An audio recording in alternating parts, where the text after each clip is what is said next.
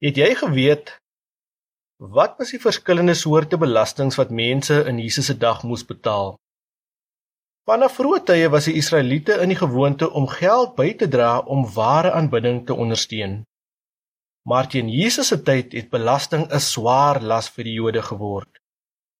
Om aanbidding by die tabernakel en later by die tempel te ondersteun, moes alle volwasse Jode 'n half sikkel, 2 dragmas betaal. In Jesus se dag was daardie geld gebruik om die tempel wat Herodes gebou het in stand te hou en om offerandes te voorsien.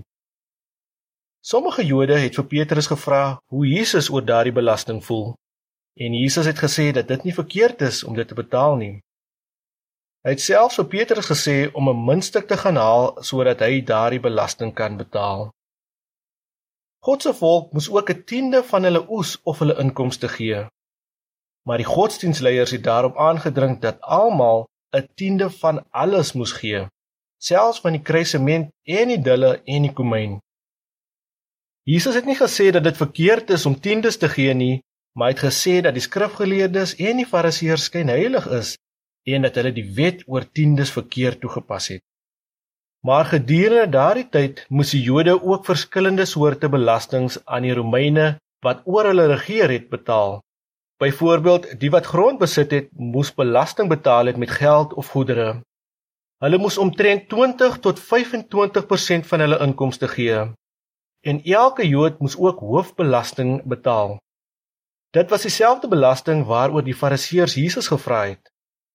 Hy het gewys hoe ons oor belasting moet voel toe hy gesê het: "Betaal dan aan die keiser terug wat aan die keiser behoort, maar aan God wat aan God behoort." Matteus 22 vers 15 tot 22. Belasting moes ook betaal word op goedere wat ingevoer of uitgevoer is. Daardie belasting is by hawens, brûe, kruispaaie of by die ingang van dorpe of markte ingesamel. Onder die Romeinse heerskappy was al die belastings wat die mense moes betaal het 'n baie swaar las. Tacitus, 'n Romeinse geskiedskrywer, het gesê dat die mense van Sirië en Judea gedurende die heerskappy van keiser Tiberius toe Jesus op die aarde was gesmeek het om minder belasting te betaal omdat dit te veel vir hulle geraak het. Die manier hoe die belasting ingesamel is, het die mense se las nog swaarder gemaak. Belastinggaders kon wins maak uit die belastings wat hulle ingesamel het. Mense wat die meeste geld aangebied het, het hoofbelastinggarders geword ander belastinggaders wat ook vir hulle self wins gemaak het en wat die eintlike insamelingswerk gedoen het, het onder die hoofbelastinggaders gewerk.